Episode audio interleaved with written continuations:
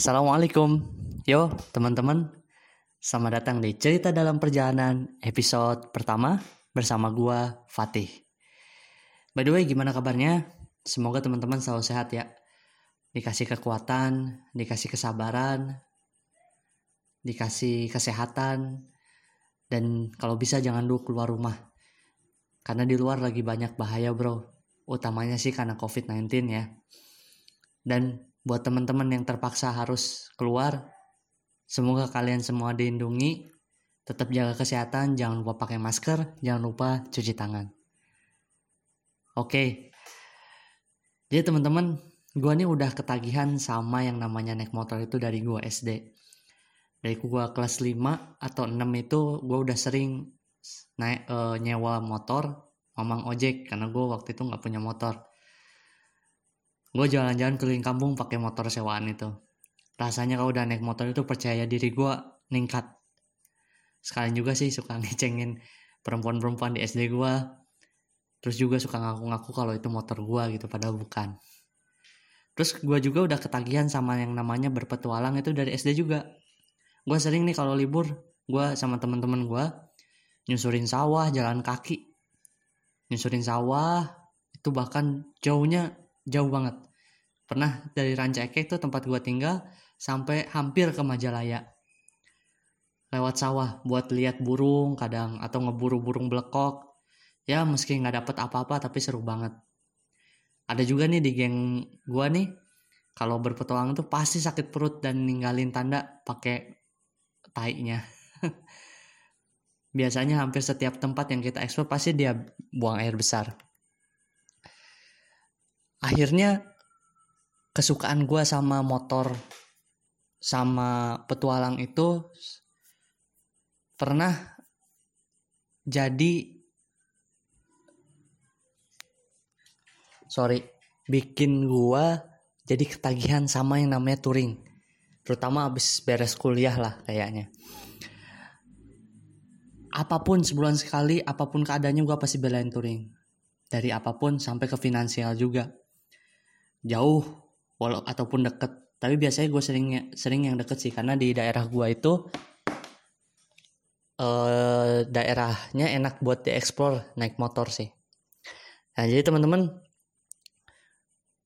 gue beneran gue ketagihan banget sama touring. Sampai gue dikenal sama teman-temannya gue ini nih touring terus touring terus gitu.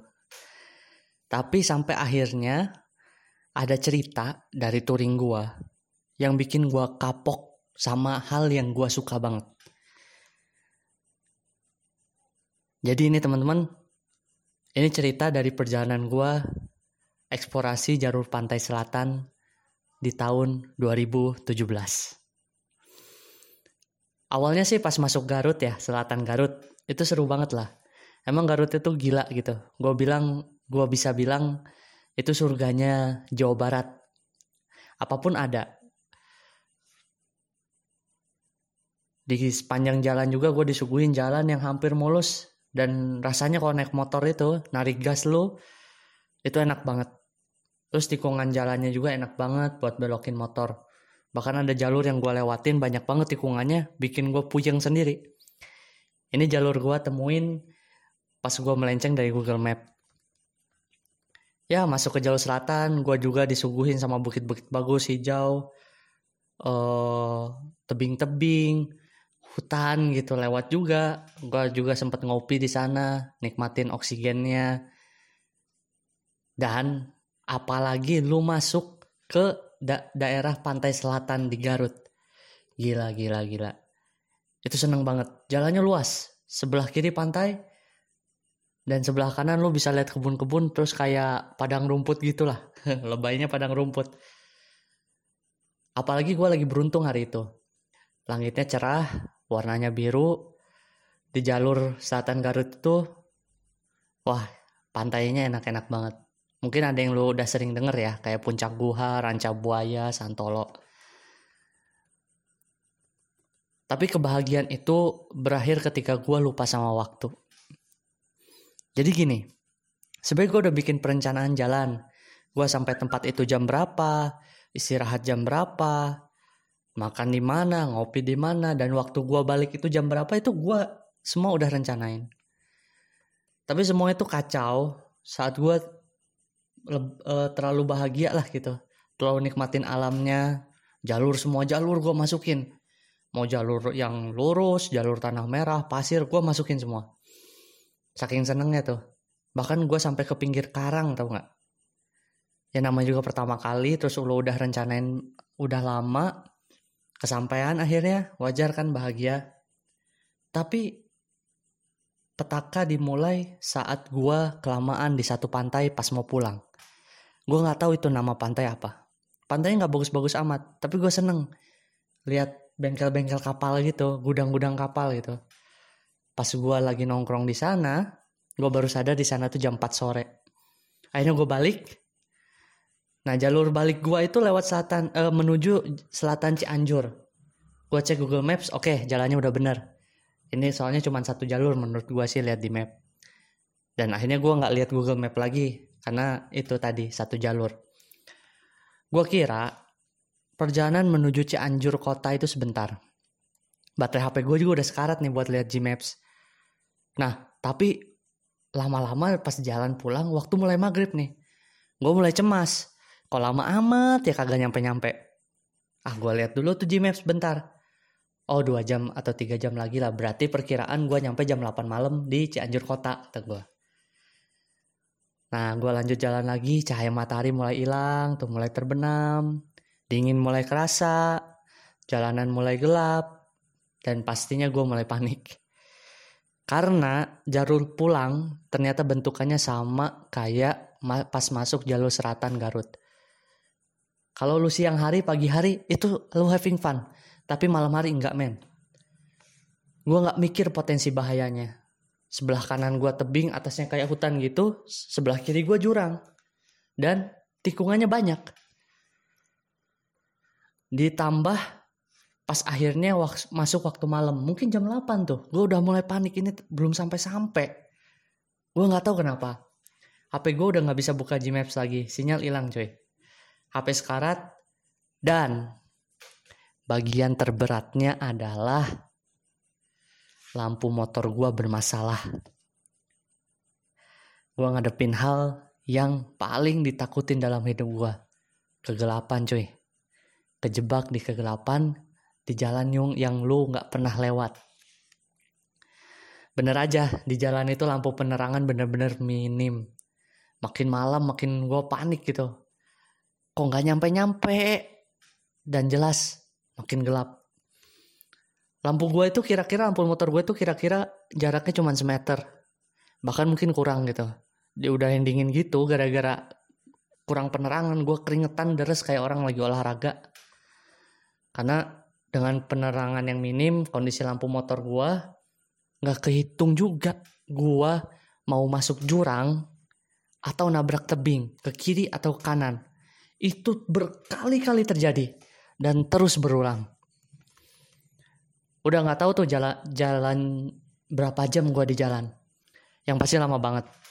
Dan masih gue berkali-kali hampir masuk jurang. Jarak perkampungan di sana juga jauh antar kampungnya itu jauh. Gue tuh di jalan tuh lama amat perasaan. Setiap gue lewat kampung itu juga sepi. Jadi gue nggak berani buat istirahat atau berhenti di sana gue juga nggak bisa dong macu motor gue cepet-cepet. Yang ada bisa mati gua. Tadi itu karena lampu ada masalah. Penerangan kurang. Mobil lewat juga jarang. Gila badan gua udah mulai keringetan. Mulai lemes karena kecapean ngantuk ditambah haus. Dan sekali-kalinya gua ketemu temen nih mobil Avanza plat B di depan gua. Akhirnya gua ngikutin dia. Gua kira itu penyelamat gua awalnya. Tapi apa yang terjadi coba Tiba-tiba itu Avanza nambahin kecepatannya. Gila, jalan tuh sempit, banyak tikungan, dia kecepatannya nggak normal. Dia ngebut banget, tiba-tiba juga. Nggak tahu kenapa, dia ngebut itu pas gue ada di belakang. Pikiran gue sih, karena gue di belakang dia, buntutin dia terus, tapi kagak nyusul-nyusul dia. Mungkin dia jadi takut gitu. Akhirnya sampai gue nggak bisa ngejar tuh mobil. Gue sendirian lagi coy di jalur itu dan kembali berulang. Apa? Mau masuk jurang dan nabrak tebing karena gelap. gue udah mulai gak kuat badan udah lemes abis plus gemeteran gue lapar gue haus gue ngantuk pinggang mulai sakit pala mulai berat nahan helm badan juga udah panas rasanya berjam-jam coy kayak gitu dan masih gue berkali-kali mau masuk jurang gue udah nggak bisa lihat lagi kondisi jalan tuh kayak gimana. Udah dah. Gue fokus sama narik gas sama lihat jalan ke depan. Sampai gue berhenti di satu jalur penerangan gitu ada lampu penerangan jalan gitu ya. Gue di situ buka hp dulu gue uh, coba kirim pesan ke keluarga dua di rumah. Ya kalau gue nggak nyampe gue di sini gitu loh. Gue mau kasih tahu gitu awalnya. Asli gue udah mulai nangis nih. Mulai nangis. Mau nangis ini udah nggak lucu. Ini bukan having fun lagi menurut gue kegelapan itu hal yang paling gue takutin apalagi di tempat yang nggak gue kenal. Sampai akhirnya gue ketemu mobil barang. Gue buntutin aja tuh. Kayaknya dia juga orang setempat mau ke Cianjur kota. Tapi apa? Lamban banget. Bikin gue ngantuk mata udah mejem-mejem gitu. Ah, udahlah Bismillah gue susul. Malah bahaya nih kalau kayak gini. Tuh, gue susul, eh ternyata perkampungan udah mulai rame dan gue akhirnya sampai di Cianjur kota. Di Cianjur kota gue nggak langsung balik ke Bogor. gue nyari masjid yang emang gue tahu sering jadi tempat istirahat gitu. Gue langsung ambil barang-barang penting gue, gue peluk, gue tidur deh. Ternyata gue tidur itu selama 2 jam, gue bangun jam 3 pagi. Karena setahu gue pas gue cek sebentar, di masjid itu jam 1 pagi waktu gue nyampe dan teman-teman di jalur itu ternyata gue kejebak 5 sampai 6 jam lebih. Gue nggak ngerti kenapa. Tapi gue rasa karena gue pelan banget ya minim penerangan itu. Dan gue ceritain lah pas bangun itu pas bangun di masjid itu ada tukang pijit tuh. Gue langsung minta full service sama dia. Badan gue udah sakit-sakit. Gue ceritain tentang hal itu. Ternyata dia orang situ. Dia bilang, Bang, saya aja nungguin subuh buat lewat situ. Orang sana tuh pada kagak berani lewat malam-malam. Gila dia aja nggak berani. Ya tapi apalah mungkin kan apa gitu. Gue nggak tahu. 2017 kejadian itu sampai sekarang 2020 gue belum belum berani lagi untuk eksplorasi ke suatu tempat sendirian naik motor. Tapi gue bersyukur aja sampai sekarang masih hidup, masih bisa nyeritain ini dan kejadian inilah yang bikin gue males touring gitu. Pada awalnya ketagihan banget. Pelajarannya emang dalam suatu hal itu jangan berlebihan lah seneng gitu. Termasuk kebahagiaan juga jangan berlebihan. Apa pun itu bisa buat kita lupa diri. Akhirnya suatu saat lu bakal ngerasain konsekuensi karena lu berlebihan. Terima kasih gua Fatih. Dan terima kasih juga teman-teman udah ngedengerin cerita dalam perjalanan episode pertama ini. Dukung gua terus ya supaya bisa cerita dengan lebih baik dan lebih bagus. Assalamualaikum.